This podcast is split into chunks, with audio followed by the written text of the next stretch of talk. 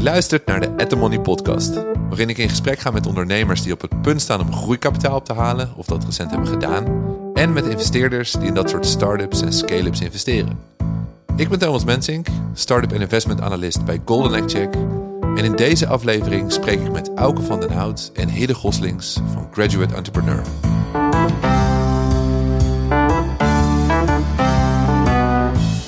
Graduate Entrepreneur is een fonds opgezet met hulp van alumni van TU Delft, Erasmus Universiteit en Erasmus MC.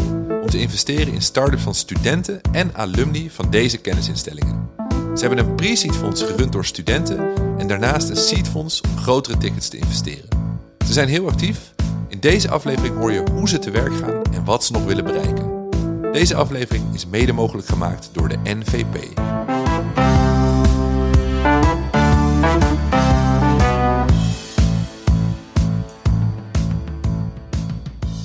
Uh, ik ben Auke van den Hout, uh, managing partner van Graduate Entrepreneur. Ja, en ik ben uh, Hidde Goslings, voorzitter van het Pre-Seed Student Board van Graduate Entrepreneur. Laten we bij, bij jullie eerst even beginnen dan. Want wat, wat is jullie achtergrond? Hoe zijn jullie bij Graduate begonnen? of terechtgekomen eigenlijk? Want Graduate is twee jaar geleden of zo begonnen. Wat is jullie route geweest tot, tot dat moment? Ja, leuk om dat hier te kunnen vertellen in deze podcast. Ik heb gestudeerd in Rotterdam. Ah. Daar is het allemaal begonnen, economie. En uh, heb toen een aantal jaren bij grote bedrijven gewerkt. Eerst in het bankwezen en toen in het corporate bedrijfsleven. En toen uh, had ik een drang om het te gaan ondernemen. Dat uh, ben ik gaan doen. Eigen data startup begonnen. die uitgebouwd en verkocht en zo venture capital ingerold. Dus uh, heb een uh, achtergrond. Oh, hadden jullie zelf ook venture capital opgehaald met dat bedrijf of niet? Uh, nee, uiteindelijk hoefde dat niet, omdat het model okay. zichzelf goed gunde. Ja. maar wel, kan me wel goed verplaatsen in wat, een, wat het betekent om ondernemer te zijn. Ja, je kent dus ook de, het alternatief van niet-funding ophalen, wat, wat misschien ook wel gunstig is. Ja, en ook wat je, als, wat je tegenkomt als ondernemer van een start-up. Ja, ja, ja precies. Ja, en jij, jij bent, jij bent nog aan het studeren, toch? Ja, klopt. Ik ben nog bezig met... Is het nu uh, even tijdelijk niet dan, denk ik? Of uh, ja, doe je dat samen? Een, uh, even een jaartje op pauze gezet. Ja. ik ben vorig jaar begonnen aan de Master Finance and Investments. Maar goed, hoe ik eigenlijk deze wereld terecht ben gekomen. ik was eerst een bachelor bedrijfskunde gaan doen. En merkte al best wel snel dat de universiteiten heel erg ingericht waren op programma's en activiteiten met corporates. Maar dat was niet echt uh, mijn ding. Dus ik was op zoek naar iets anders waar ik mijn energie in kwijt kon. Mm -hmm. um, en toen was ik een keer terechtgekomen bij Yes Delft, uh, waar ik naar Pitch Battle uh, was gaan kijken. En dat was me wel heel erg bijgebleven, dat ik dat eigenlijk wel heel erg leuk vond om te zien. Je hebt je verschillende startups die... Ja, verschillende startups die hun idee gaan pitchen. En er waren ook wat investeerders aanwezig. dus toen dacht ik van, misschien moet ik daar toch nog eens een keer naar kijken. En yeah. binnen no time kon ik op gesprek komen bij Yes Delft om daar als werkstudent aan de slag te gaan. Um, en die periode vond ik super interessant. Het was een hele leuke introductie aan het start-up ecosysteem van uh, voornamelijk Delft, maar ook een stukje Rotterdam. Ja, ja. Um, dus dat was voor mij een beetje de introductie in deze wereld. Uh, daar ook een leuke relatie met een founder aan overgehouden, waar ik uiteindelijk een stage heb gelopen. Uh, daar heel veel geleerd over hoe een start-up eigenlijk op zoek gaat naar kapitaal. Dus dat hele proces van, van A tot Z mee mogen maken. en dat was voor mij het startpunt om ja, toch ook te kijken van kan ik dit proces aan de andere kant van de tafel meemaken. Ja. En dat bracht mij bij Graduate. Nou, lachen. We gaan het er uh, uitgebreid over hebben natuurlijk, wat jullie precies doen met, met Graduate. Maar voordat we dat doen, wil ik nog even aftrappen met uh, Doenpensioen. Want deze podcast wordt uh, mogelijk, mede mogelijk gemaakt door ASR. ASR heeft een flexibele pensioenoplossing speciaal voor start-ups en scale-ups. En dat noemen ze dus Doenpensioen. en uit onderzoek blijkt dat pensioen als belangrijkste secundaire arbeidsvoorwaarde wordt gezien door werknemers. En het kan daarom een goede manier zijn om talent aan te trekken en natuurlijk te behouden. En het is al mogelijk vanaf 1% van de salarissom. Ja, het is gewoon een goede deal dus. Uh, in de show notes staat meer informatie uh, over ASR Doenpensioen... met, uh, met daarin ook informatie over de voordelen. Ja, ik, ik was even benieuwd, want Auke, ben jij vanaf het begin... bij de oprichting van Graduate betrokken geweest? Wat was voor jou het moment dat je erbij betrokken raakte... en waarom, waarom is Graduate überhaupt begonnen? Ja, niet helemaal bij het begin, maar wel heel kort daarna... Mm Graduate is nu een 60 miljoen early stage fund, wat zich richt op uh, het funden van alumni van Rotterdam of Delft, uh, een van de instituten, TU Delft, Erasmus MC of Erasmus Universiteit. Ja. Um, en dus een breed fonds wat zich op allerlei industrieën richt. Maar het is begonnen, misschien wel leuk om te vertellen, met een aantal ambitieuze alumni van Rotterdam en Delft. Die dachten, er is eigenlijk veel te weinig kapitaal om jonge starters te helpen. En dat was het begin van het Pre-Seed Fund. Mhm. kleine tickets, maximaal 75.000. met, een, met een vrij hoge snelheid verstrekken. Wat voor alumni waren dat eigenlijk? Ja, dat waren alumni. Dat, waren best wel gewoon gerenommeerde ondernemers zelf, toch? Eh, Absoluut. Eh, mensen met echt een staat van dienst, uh, die zelf ondernemer zijn geweest of in private equity hebben gewerkt of bij het grote corporate bedrijfsleven, maar die echt een grote voorliefde hadden voor meer ondernemerschap. Ja.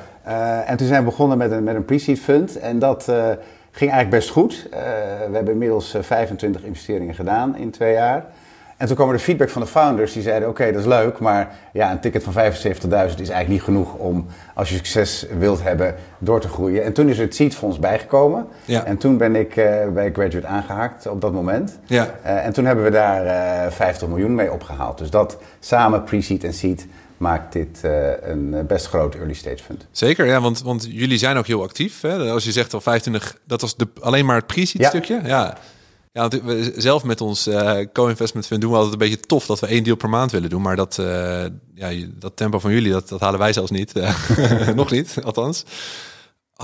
Klopt dat inderdaad echt? Is, het, is er, was er inderdaad in, in die fase uh, miste daar inderdaad wat. Hè? Wat die, wat die uh, ondernemers zeiden van dit is de reden dat we dit fonds willen opzetten. Merk je dat ook? Dat, dat inderdaad in die fase, die early stage fase, de alternatieven gewoon er niet zijn? Of, of nee, absoluut. En, en, en dat is jammer, want kijk, in het buitenland is dat wel. Hè? Als je kijkt naar de VS met MIT of Stanford, of ook in Engeland of in Israël, dan zijn dit soort initiatieven er. Uh, in Nederland eigenlijk nog niet. Uh, en dat is de reden dat dit is uh, opgezet. Het zijn dus de alumni, maar ook de universiteiten zelf doen voor een klein, voor, voor een klein beetje mee. Ja. En, en die combinatie maakt het echt wel uniek voor, voor Nederland. En ja, we kijken goed naar de voorbeelden in het buitenland en proberen dat hier na te bouwen. Ja, precies. En, en Hidde, jij zit dan met name op het pre-seed stukje, toch? Ja. Kun je uitleggen ook hoe die interactie dan is tussen pre-seed en seed?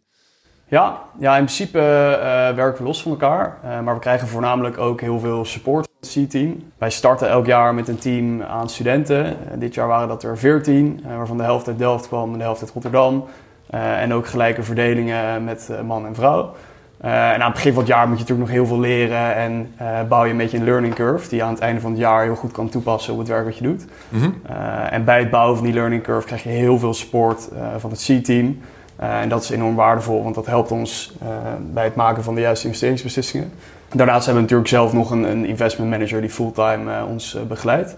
Um, ja, want dat is natuurlijk mijn vraag van, ja, je, je bent als student, mag je gaan investeren? Tickets tot 75k. Kan je dat wel, zeg maar? Kunnen studenten dat soort investeringsbeslissingen nemen? Hoe, hoe zorg je ervoor dat jullie goede deals doen? Ja, dat is een leuke vraag. Um, ja, het, team is, het team is heel divers. Hè? Dus we, hebben studenten uit Delft en uit Rotterdam, maar ook de studieachtergronden zelf zijn, zijn heel breed. Uh, dus daarmee komen we een heel eind met het ja, doen van, van onderzoek en het bepalen van uh, ja, of een start-up uh, aantrekkelijk is om in te investeren. Je hebt natuurlijk overal dat netwerk al om de, de founders, in ieder geval de student-founders, waarschijnlijk te kunnen vinden. Ja, zeker. Maar we hebben dus ook in de organisatie een aantal lagen aan support. Dat begint met een investment manager, maar je noemde net ook al het C-team wat ons kan supporten. Daarnaast zetten we ons eigen alumni-netwerk ook heel erg in als support. dus denk aan eh, we zijn bezig met het beoordelen van de propositie en we willen wat zaken nog wat beter valideren. Mhm. Eh, dan bellen we gewoon een aantal mensen uit het netwerk op die daar expertise op hebben. Eh, en dan ja, voeren we gewoon gesprekken van een half uurtje om het plaatje wat duidelijker te krijgen. En daarnaast hebben we natuurlijk ook nog een investment committee die uiteindelijk de doorslag geeft of we een investering gaan doen of niet. Ja, en dat, dat, zijn geen studenten dus, maar dat zijn gewoon een soort van professionele eh, fondsmanagers of zo, die, uh, die dit al, al jaren doen of zo. Ja, dat zijn inderdaad professionals die uh, al jarenlang ervaring zijn, Zijn dat niet juist mensen die een beetje vastzitten in een patroon en juist niet zeg maar die, die nieuwe hippe dingen snappen die, die de, zeg maar, de volgende generatie misschien juist wel snapt? Nee, zo zou ik het niet. Uh... Nee, we hebben in onze investor base en in zeg maar, het netwerk van Graduate hebben we echt een heel groot scala aan mensen. En ook jonge mensen met veel investeringservaring en die, eh, die kijken mee. Ja, precies. Want, want, want jullie investeren heel breed. Hè? Misschien kun je nog even uitleggen, Auke, hoe, uh, zeg maar, wat een beetje jullie scope is eigenlijk. Van, we hebben gehoord vroeg, we hebben gehoord alumni. Maar ja, wel, ja, wat betekent dat alles? Of wat, wat zit er wel en wat zit er niet in? Ja, als je nou kijkt naar het scala, we, we zijn inderdaad vroeg hè, en, en, en we doen tickets tussen de 75.000 en zeg maar de 2 miljoen. Dus het is een vrij breed scala aan tickets wat we met pre-seed en seed uh, bestrijken. maar als je kijkt naar wat we doen, dan, dan focussen we eigenlijk op de gebieden waar Rotterdam en Delft ook sterk in zijn. Ja. En dat is in combinatie tech met business, is dat best veel. en dat betekent dat we ook qua portefeuille, wat we nu hebben opgebouwd, variëren tussen tussen zeg maar echt uh, deep tech bedrijven, uh, actief in de quantum computing of in de robotics, mm -hmm. tot, uh, tot SaaS bedrijven, van, van, van green tech bedrijven tot ook medische start-ups. Dus het is een vrij breed scala, maar met de expertise die we kunnen halen uit de universiteiten, met de expertise uit de LP-base kunnen we daar goede beslissingen in nemen. Ja, dus je gebruikt die achterban dus ook om je investeringsbeslissingen aan te toetsen, zeg maar. Om, om de expertise uit het veld te halen, om te kijken of we iets daadwerkelijk baanbrekend is of gewoon een, uh, een leuk idee. Ja, absoluut. Uh, heb je nog wat voorbeelden dan van, van bedrijven? Want we zijn laatst samen dus in Oasis Now geïnvesteerd. Uh, samen die deal gedaan. Die is net recentelijk aangekondigd ook. dus dat, dat, is, dat is hartstikke leuk ook. de eerste co-investment samen. Heb je nog wat meer voorbeelden van bedrijven die eigenlijk dat, dat, dat brede scala aan zeg maar van jullie scope demonstreren? Absoluut. Kijk, we zijn uh, recentelijk uh, ingestapt in uh, een roboticsbedrijf, Roxys, uit Delft, waar we heel blij mee zijn. En hadden eerder al geïnvesteerd in Quantware, een bedrijf actief in quantum computing. Dus dat zijn echt voorbeelden van deep tech investeringen waar we waar we in actief zijn. Maar we doen zijn, ook... zijn er spin-offs dan? Echt, echt, uh, kun je dat zo zeggen ook? Of, of, want dat hoeft, dat hoeft niet per se, toch? Dat hoeft niet per se, maar dat is in dit geval wel het geval. Ja, ja. Uh, en dan, uh, dan past dat dus heel goed. Maar het hoeft niet per se. Het, het gaat om het feit dat de, dat, de, dat de founder of dat die een linkje heeft met Rotterdam of Delft. Ja. Of dat het academische staf is. Maar in, in de praktijk zijn het vooral mensen die daar gestudeerd hebben. Mm -hmm. En die of direct na hun afstuderen of een paar jaar later zijn gaan ondernemen. Ze, ze, kunnen in principe overal zitten in de wereld, toch? Ja. Het hoeft dus ook niet meer per se in dat ze in Delft of, nee. in, uh, nee. in uh, Rotterdam zitten. Maar is het niet zo, want uh, jullie, jullie richten dus op, op founders die allemaal dezelfde achtergrond hebben in principe. Hè? Allemaal hebben ze een diploma gehaald, zeg maar, bij Delft of, of Rotterdam Universiteit. Krijg je dan niet een hele soort van homogene founderbase, een hele homogene portfolio daardoor ook? Nou, ik denk het niet. Uh, want een van, de, een van de principes onder dit fonds is ook de convergence tussen Rotterdam en Delft. En de mooie, het mooie van die convergence is dat je in Delft fantastische technologie uh, wordt ontwikkeld. Mm -hmm. uh, en in Rotterdam, met name in de Erasmus Universiteit, fantastische business skills worden, ge, worden geleerd. Ja. En in de combinatie ligt natuurlijk heel veel kracht. Ja. En dat is ook het, het, soort proposities dat wij zoeken. Hetzelfde, er is een enorme mooie samenwerking tussen Delft en Erasmus MC. Daar komen ook fantastische ideeën uit en, en die pakken wij eruit en die, die vinden we. Oké, okay, ja. Ja, klinkt, klinkt logisch. Um, ik was even benieuwd, uh, want dan hebben we het een beetje over dat, dat start-up ecosysteem. Uh, je hebt het over die convergence uh, tussen Delft en Rotterdam. Is dat vooral iets wat je dan waar je naar kijkt voordat jullie investeren? Van is, is dat er al? Of is dat juist iets wat je na investering wilt, uh, bij elkaar wilt krijgen of zo? Of, uh, dat, dat heeft een beetje te maken met hoe zorg je ervoor dat je, de, dat je het ecosysteem wat, wat, wat er dan is, dat je dat uh, inzet? Of dat je die, die start-ups die er zijn daar juist in laat landen of zo? Hoe, hoe, hoe doe je dat dan? Ja, kijk, een goede vraag. Idealiter is het er. Uh, ja. Maar in de praktijk is het er natuurlijk heel vaak nog niet. Want het zijn hele jonge bedrijven en die moeten dat nog ontwikkelen. Dus wij kunnen daarin helpen hè, om dat bij elkaar te brengen. Om bijvoorbeeld commerciële competenties wat meer bij een, uh, bij een technische start-up uh, in te brengen. maar we doen het ook vaak daarna. Dus als we geïnvesteerd hebben.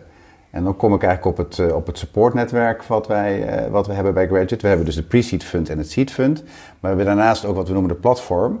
En daar zijn we actief om alle, alle mensen die bij het fonds betrokken zijn, dus dat zijn investors, dat zijn de universiteiten, maar dat zijn ook mensen die niet investeren, maar wel willen helpen, hmm. om die te mobiliseren voor de start-ups.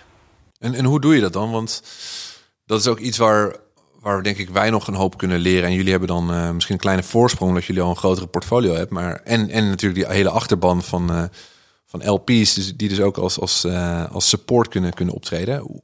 Hoe werkt dat het beste? Hoe, zorg je ervoor dat je die, die kennis die zij hebben dan benut, zeg maar, om, om de start-ups waar je in investeert uh, verder, verder te helpen? Nou, we hebben er ook een beetje in geleerd. Uh, want in het begin noemden we iedereen die hielp een coach. Ja. Uh, en dachten we ook dat elke founder op zoek was naar een coach. maar in de praktijk is het toch wat anders. En wat we nu, hoe we het nu hebben georganiseerd, is dat we hebben gezegd: oké, okay, het is eigenlijk afhankelijk van wat die founder nodig heeft. En dat kan bestaan uit drie dingen. dat kan zijn expertise. Dus een founder heeft behoefte aan kennis op een bepaald gebied. denk aan, ik heb net mijn bedrijf gestart, ik wil een employee stock option plan in, introduceren. Nou, dat is technisch best ingewikkeld moet je ook nadenken over wie geef ik wat. Uh, sowieso een hoop geduld uit. Oh, sowieso een hoop geduld. Begin er niet aan. Uh, dat scheelt het enorm als je één of twee mensen kunt bellen die je daar even snel wegwijzing maken. Nou, wij hebben die mensen, uh, we hebben die mensen tot onze beschikking en die introduceren we dus dat, dan. Dus dat is expertise. Kan zijn één telefoontje super waardevol voor die ondernemer. Ja. Het tweede is netwerk. Dus dat je een ondernemer bent, zeg in de medtech sector uh, je wil nieuwe klanten binnenhalen. Wij hebben ervaren medtech mensen. Uh, die stellen hun netwerk open, doen een paar telefoontjes en die founder is daar enorm mee geholpen. Mm -hmm. uh, dat is eigenlijk de tweede manier om een start-up verder te helpen. En het derde, dat is echt coaching. Dus dat je als founder een coach krijgt, iemand die ook ondernemer is geweest bijvoorbeeld, en jou helpt in hoe je succesvol founder kunt zijn. Nou, en een soort mentorrol. Een soort mentorrol, ja, ja. precies. En, en die driedeling, expertise, netwerk en coaching. Nu we dat beter begrijpen, uh, kunnen we niet alleen de vragen van de founders uh, klassificeren, maar kunnen we ook de juiste mensen erbij zoeken. Ja. En dat, dat werkt heel goed. Hmm. En founders onderling dan? Want, want ik kan me voorstellen, zeker als ze wat meer ehm, misschien wel gebonden zijn in een bepaalde regio, of in ieder geval dezelfde achtergrond hebben hebben jullie daar iets voor? Dat, dat, dat founders ook juist van elkaar uh, wat kunnen opsteken? Ja, nou, dat is grappig dat je het vraagt. Dat hebben we net uh, gelanceerd. Want uh, dat is eigenlijk het tweede. Het eerste is dat je... Dat je de vierde pijler dus. Support, support aanbiedt. Maar de founders onderling is natuurlijk ook een belangrijk element... waarom het leuk is om met Graduate te werken en relevant. En daarvoor hebben we recent Founders Forum gelanceerd. Mm. en toevallig hebben we deze week de eerste, de eerste sessie daarvan. En dan komen de founders bij elkaar... Uh, voor een middag. Uh, doen we dat vier keer per jaar. En dat bestaat uit twee onderdelen. Eerst een inspirational speaker en dan een soort van intervisie waarbij die founders elkaar helpen. Oh ja. En uh, morgen is Frank Slootman, CEO van Snowflake, is ja. de eerste inspirational speaker. Dus die gaat dan in gesprek met die founders om, om te praten over ondernemerschap. Ja, dat, dat is leuk. Ja, goeie. En, en ik was even benieuwd hier, want jij had het nog over je learning curve, hè? Ja. Waar op die learning curve zit jij nu? Want jij bent uh, al bijna een jaar geleden begonnen, toch? Dus nu zit je eigenlijk op het steile stukje van die learning curve, toch? Dus ik, ik was even benieuwd wat, jij, uh, wat voor lessen jij hebt geleerd als, als soort van nieuwe investeerder. Die dus ook weer die je door wilt geven aan de, aan de volgende generatie eh, van, van het pre-seed board die dan na je komt. Ja, ja, dat is wel uh, ook, ook een leuke vraag. Aan het begin ben je natuurlijk heel erg bezig met het volgen van een, een standaard proces. Dus we werken met een maandelijkse structuur met elke maand aan het einde van de maand een investment committee meeting. Uh, waar startups uh, de kans krijgen om, om te pitchen. En eigenlijk werken we naar dat moment toe en schrijven we investeringsvoorstellen die we aan ons investment committee kunnen voorleggen. Mm -hmm. uh, dus aan het begin, aan je, in je eerste maanden ben je daar heel erg mee bezig om je deadlines te halen. maar op een bepaald moment leer je ook heel erg dat je ook als student best wel wat waarde toe kan voegen aan een start-up.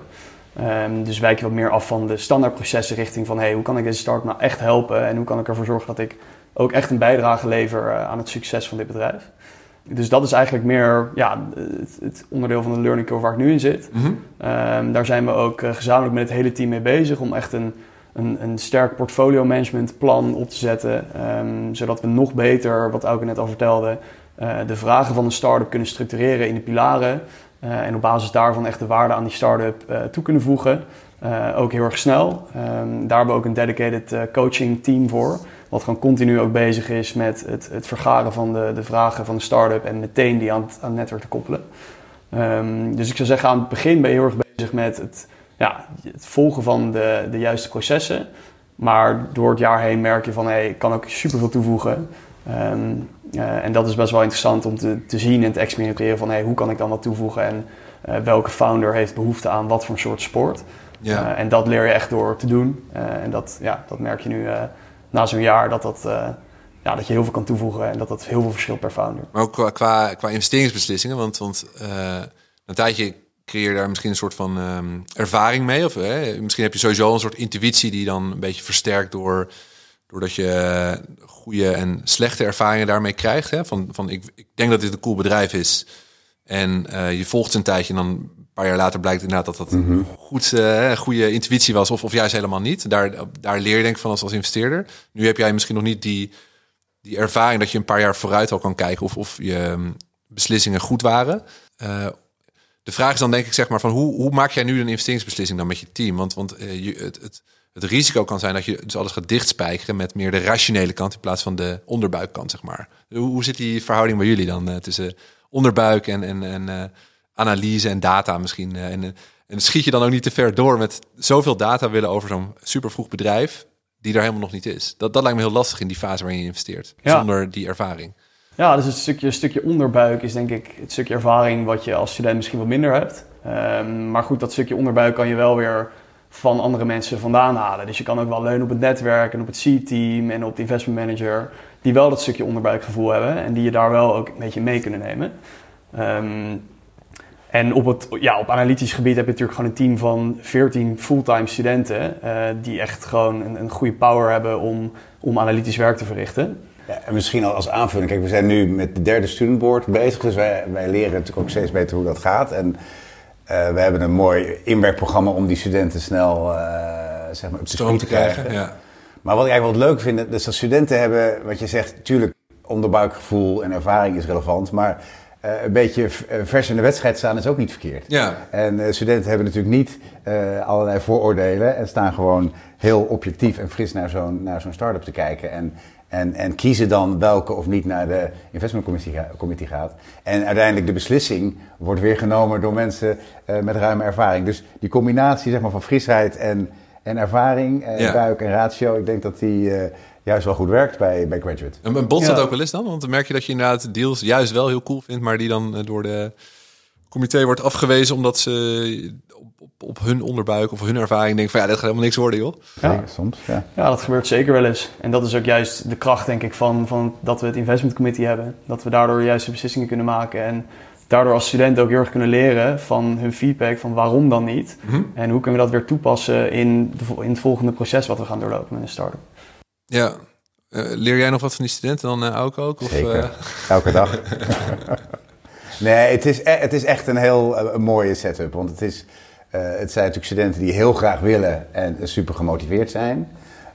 die echt diep in die connecties hebben met, met allerlei universitaire kringen en studentenkringen. En gewoon met start-ups aankomen die wij zelf misschien niet zo snel zouden zien. Ja.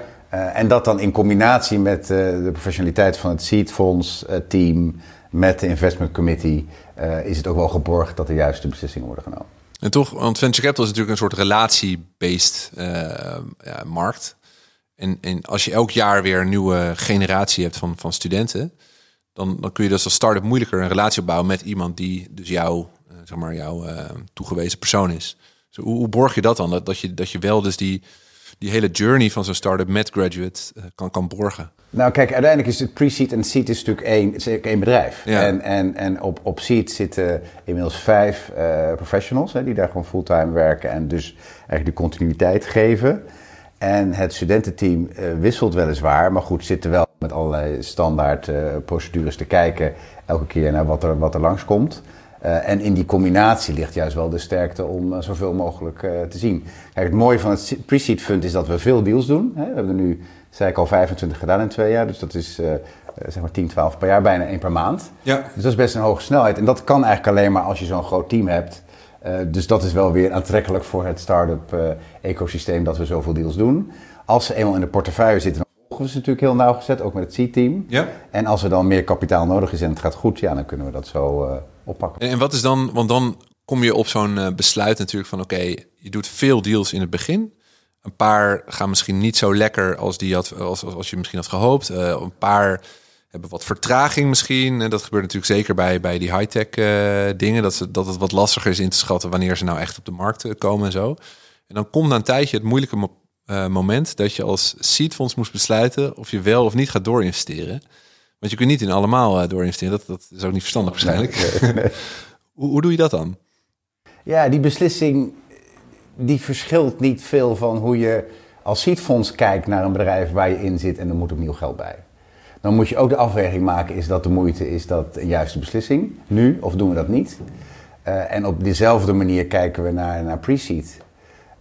het aantrekkelijke, denk ik, is dat we met pre-seed, als het goed gaat, de mogelijkheid hebben om door te investeren met seed. dus dat er kapitaal is. Mhm. Maar ja, als het, als het niet goed voorstaat, dan dan, dan doen we het niet. Alleen de beslissing is, is, is, is eigenlijk hetzelfde. Dus dat uh, de beslissing wordt gemaakt door het CT. Maar in, want in die vroege fase, dan concurreer je in principe misschien niet met andere visies. Hè? Want daar hadden we het in het begin over van, is er een soort gat waar jullie zijn ingesprongen. Maar je concurreert misschien eerder met, uh, ik noem maar wat, de take-off grants of zo, die er zijn. Of misschien wel innovatiekrediet of zo. Toch? Dus, dat, dus dan, dan is de vraag, is het, is het verstandig om in die fase al met uh, equity-achtige instrumenten te investeren? Want daarmee zet je meteen een soort van uh, natuurlijke deadline misschien wel op zijn starten. Want in een tijdje moeten ze naar een exit uh, toe werken. Ik weet niet hoe, hoe jullie fonds uh, wat dat betreft, of die open of, of, gesloten is. Maar dan moet je straks maar vertellen. Maar concurreer je eigenlijk niet met goedkoper kapitaal, zeg maar. Met subsidies die misschien ook in die fase beschikbaar zijn. Ik snap dat je die, die expertise zo toevoegt naast het kapitaal. Maar is dat, is dat voldoende reden voor startups dus om, om bij jullie aan te kloppen voor, voor die pre tickets in die fase? We zitten eigenlijk wel iets later dan dat, als je kijkt. Ja, als je kijkt naar de, de, de, de, de typische deals die we doen, ook in pre-seed. Uh, dat zijn dan wel vaak bedrijven die dat subsidietraject al achter de rug hebben of uh, waarbij dat niet meer voldoende is. Dus dan, dan komen wij toch wel als, als, als partij samen, ook vaak met andere VC's, uh, early stage VC's die dan met uh, equity-achtige instrumenten uh, toetreden. Dus het, is, het volgt vaak uh, het subsidietraject. Ja, precies. Het overbrugt misschien precies die fase waar het tot, tot dan toe stopte. En, en, waar de markt het weer oppakt. Want eigenlijk voordat wij er waren was, was dat er niet. Ja. En dan stopten de subsidies. maar was het bedrijf nog niet klaar nee. voor seed, echte ja, seed Ja. En het pre-seed past daar precies in. En, en Komt dat mooi uit, ja. Je ziet toch ook wel veel dat, dat start-ups ervoor kiezen om een, een mix aan funding op te halen. En, en subsidies te combineren met een stukje, um, stukje inderdaad equity-achtige uh, financiering en een, stukje lening erbij. Uh, dat komen we ook wel vaak tegen dat we een, een meedoen aan een grotere, grotere ronde. Uh, en, en dan is het argument van de start-up ook heel erg van hey, we, doen, we doen graduate erbij, omdat dat netwerk zich dan opent en omdat dat zoveel kansen creëert voor ons om, om dat stukje smart capital binnen te halen en echt aan de slag te gaan met die coaches uit dat netwerk. Ja, nog even over dat netwerk gesproken. Er zitten dus allemaal van die uh, andere ondernemers in, allemaal angels en zo. Hoe, hoe betrekken jullie dan bij dit? Want we hebben het al een beetje gehad over dat, dat coaching en, en dat ze af en toe misschien als een spreker uh, optreden. Maar is, is er een soort van structurele manier hoe je de achterban kunt, kunt benutten voor, voor, voor jullie portfoliobedrijven? Ja, dat is eigenlijk dat, uh, wat we dus in het platform georganiseerd hebben. Mm om dat op een goede manier te doen. En dat, dat, dat hangt van twee dingen af. Je moet A weten uh, wie in dat supportnetwerk wat kan. Ja, precies. Dus, ja. dus, dus uh, niet iedereen is een coach. Uh, waar heeft iemand echt verstand van en waar niet? Uh, wie wil zijn netwerk wel openzetten en wie niet. Dus dat, dat goed begrijpen. Dus daar hebben hoe begrijp je dat goed? Dan, dan... Nou, we hebben, dat zijn nu iets van 150 mensen die we daarin hebben. En we hebben een, een professioneel team. Uh, ook weer aangevuld met uh, een paar studenten die niets anders doen dan heel de dag dat, dat netwerk beter benutten en, en, beter begrijpen. Ja. En we hebben natuurlijk de start-ups die, waarvan we goed moeten begrijpen wat, wat zoeken ze nou echt. Ja, precies. Ja. Wat is nou echt hun vraag? En uh, wat wil deze uh, onderneemster of ondernemer? Nou, uh, dat goed begrijpen, vervolgens dat netwerk ontsluiten en dat koppelen. Dat is wat we bij het, bij het platform doen. Ja. Okay. En daarvoor zijn we dus nu ook bezig om workshops voor, voor coaches aan te bieden. Zodat we echt die coaches een, een goede fundamentele manier van coachen kunnen aanleren. Die goed aansluit bij de behoeften van onze startups. Ja, en, en waar willen jullie naartoe? Want jullie bestaan nu ongeveer twee jaar. Hè? De derde studentenboord uh, had het over. De vierde staat misschien al, uh, al in de stijgers uh, nu. Hoe zien jullie graduate entrepreneur? Want daar dat is nog de, even de open vraag die ik nog had van is het nou een gesloten fonds of, of hebben jullie ook een life, lifetime van, van een jaar of tien of zo? Dus, dus komt er nog een nieuw fonds die nog, nog weer drie keer zo groot is? Of uh, of, of, of stort, storten de, de, de angels uh, bij uh, en, en, wordt het vol zo, zo, zo organisch wat groter steeds? Of wat, wat zijn jullie plannen eigenlijk? Nee, nee absoluut veel, veel ambitie. Het, het, het is gewoon een gesloten fonds hè, van, van tien jaar, het Seedfonds. dus we zitten nu in, in jaar twee, zal ik maar zeggen, van ja. de investeringsperiode. Dus we hebben nog even te gaan. Van, van de vijf of zo? Of, van de vijf, inderdaad. Ja. Um, uh, maar het idee is uh, om daar een, een tweede fonds naast te zetten zodra dit geïnvesteerd is. Kijk, we hebben nu 60 miljoen om uh, dat Rotterdam-Delft uh, ecosysteem aan te jagen. Ja, dat is natuurlijk uh, lang niet voldoende. Een schijntje, ja. Een schijntje. En, en er is ontzettend veel te doen. Er zijn ontzettend veel kansen.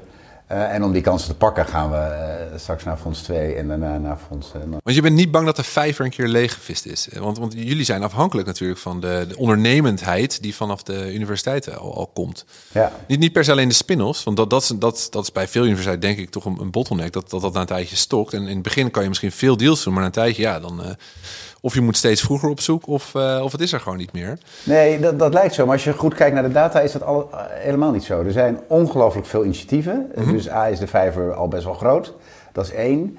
Uh, twee, door dit soort initiatieven en door de zichtbaarheid gaan ook hopelijk meer, meer mensen ondernemen. Ja, ja. en dan valt er ook meer, meer te kiezen. Uh, en, en ook in die, in die convergentie die plaatsvindt, uh, bijvoorbeeld tussen TU Delft en Erasmus MC, wat ik eerder zei, daaruit ontstaan ook weer allerlei ondernemersideeën die ook kapitaal nodig hebben. Dus dat die vijver te klein is, dat, dat zien we nog niet. Ja, het scheelt natuurlijk ook dat je, je, je bent niet per se gebonden dus aan, aan de bedrijven die vanuit de universiteit starten. Het kan net zo goed dus een alumni zijn, Absoluut. een alumnus zijn, of ja.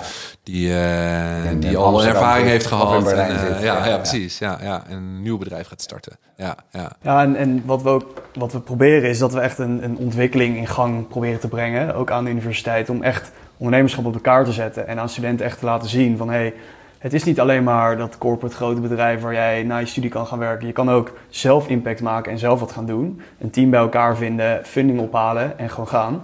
Um, en, en dat begint nu steeds meer op de universiteit te leven. En uh, namens Graduate organiseren we ook heel veel inspirerende activiteiten voor, onder, voor studenten, waarmee ze een beetje kunnen experimenteren met ondernemerschap. Uh, en we krijgen daar ontzettend veel positieve feedback op. En steeds meer studenten kloppen bij ons aan en zeggen van... hé, hey, ik wil er wat meer over weten en hoe moet ik nou starten? Ja, en, ja. Uh, die kunnen we zoveel bieden. En, en je ziet wel dat die tractie op begint te lopen. Nou, en wat ik wel interessant vind, want je hebt natuurlijk uh, DSIF in Twente, je hebt ASIF in Amsterdam... Maar die, die zijn eigenlijk blijven hangen, zeg maar, met alle respect natuurlijk, maar bij het pre-seed stukje. En jullie zijn de eerste volgens mij geweest die er een seed stuk met, met een meer professionele uh, fondsmanagement, zeg maar, aan toe hebben gevoegd. En dus een veel groter fonds ook hebben om door te kunnen, door te kunnen pakken. Zou het ook denkbaar kunnen zijn dat Graduate Entrepreneur straks ook een seedfonds heeft in Amsterdam of in Twente of in Groningen of in andere steden of zo? Of in Berlijn, weet ik veel. Of is dat juist niet, uh, zoiets van, die vijver hier, dat is waar we sterk in zijn, dat, uh, die is nog groot genoeg. Uh, voor het volgende fonds is het gewoon weer hetzelfde, maar dan groter en beter. Nou, moeten we dan zien. Maar kijk, er zit in deze, in deze regio, maar ik moet inderdaad niet eens zeggen regio, hè, want het gaat natuurlijk niet om de regio ja, Rotterdam-Delft zelf. Maar vanuit alumni van Rotterdam-Delft zit nog ontzettend veel potentie en is 60 miljoen niks. Dus wat dat betreft zou een tweede fonds alleen al kunnen ehm, met, met, met, met dit doel. Uh, maar het is natuurlijk een fantastisch idee. En, uh, en wat dat betreft gebeuren er in andere delen van Nederland ook hele mooie dingen in en rondom universiteiten. Dus het zou heel mooi zijn om dat erbij te betrekken. Ja. ja. Oké. Okay. En dan gaan we een beetje richting de afronding. En ik was benieuwd hoe, wat jullie, vanuit jullie ervaring, zeg maar, wat jullie advies is aan founders die, die willen fundraisen of die, die hard willen, willen schalen straks. wat, wat zou jullie ze mee kunnen geven?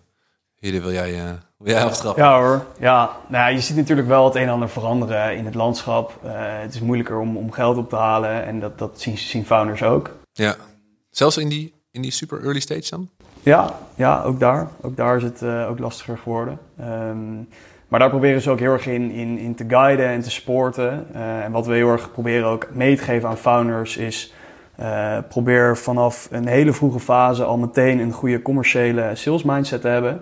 Ga op zoek naar een klantengroep waar je echt heel veel waarde kan toevoegen. En zorg er ook voor dat die klantengroep een betalende klant voor jou wordt. Want op het moment dat een klant voor jou gaat betalen, bevestigt dat eigenlijk dat je waarde voor ze toevoegt. Dus dat is iets wat we ook heel erg proberen aan founders mee te geven. Van focus je echt daarop en bereid vanuit die, dat kleine soort van die kleine focus die je hebt probeert het dan verder uit te breiden en je, je businessmodel te vergroten. Mhm. Ehm, dus, dus dat is iets waar we founders echt in, in begeleiden. Om... Ik heb dat een keer uh, als een soort uh, uh, Olympische Spelen logo proberen uit te leggen. Dus dan moet je eerst een soort proberen om een kringetje rond te krijgen. Eén kringetje. Dus dat is een soort van. Dat was voor mij een soort metafoor voor een uh, problem solution fit of misschien een product market fit al, maar in ieder geval een kleintje die die waarmee je al waarde kunt aantonen, zeg maar. Dus, dus je hebt iets gevonden wat een probleem voor iemand oplost. Dat is al mooi als je er eentje hebt. En dan vervolgens kun je proberen, maar het moet wel gesloten zijn, zeg maar. Want als het, ja, anders dan moet je het op, oplossen met consultancy of zo. Ja, nu begint het een beetje vaag verhaal te worden. Maar als je het rond krijgt, zeg maar, dat is mooi.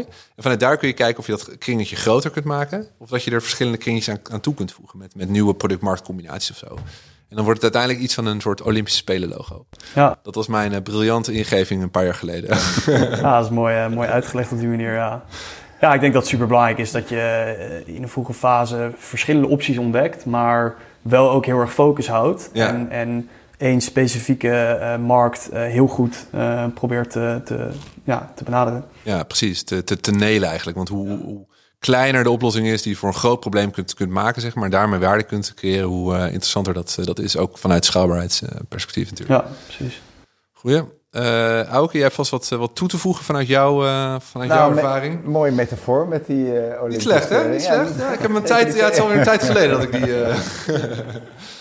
nee, kijk, wij zijn natuurlijk een heel early stage fund. dus wij kijken naar hele vroege fase bedrijven. Dus dat zou mijn advies zijn voor de ondernemer. Kijk voor je kapitaalverschaffing niet alleen naar het geld of de waardering of hoeveel aandelen je moet weggeven. Maar kijk ook echt wat voor, wat voor hulp uh, krijg ik bij dat geld. Want ik ben klein, ik ben beginnend, mm ik kan ontzettend veel hulp gebruiken. zoek een financier die dat ook echt biedt. Ja. Dat is mijn tip. En dan had ik nog verwacht dat je zou zeggen... of overweeg gewoon om verder te gaan met bootstrappen... want dat heeft jou succes gebracht. Ja, als Hoe sta je, er nu in? Want, want we hadden net over dat landschap. Ja, dus ik sta er nu toch wat anders in. Kijk, toen was het model uh, was er heel voor geschikt. Alleen het beperkt je ook wel. Ja, uh, ja. Dus op het moment dat je, dat je kapitaal kunt ophalen van een partij waar je gewoon een goed gevoel bij helpt, hebt en die je ook helpt, dan geef je dat vleugels. Dus dat zou absoluut mijn advies zijn nu. Nu ik aan deze kant van de tafel zit.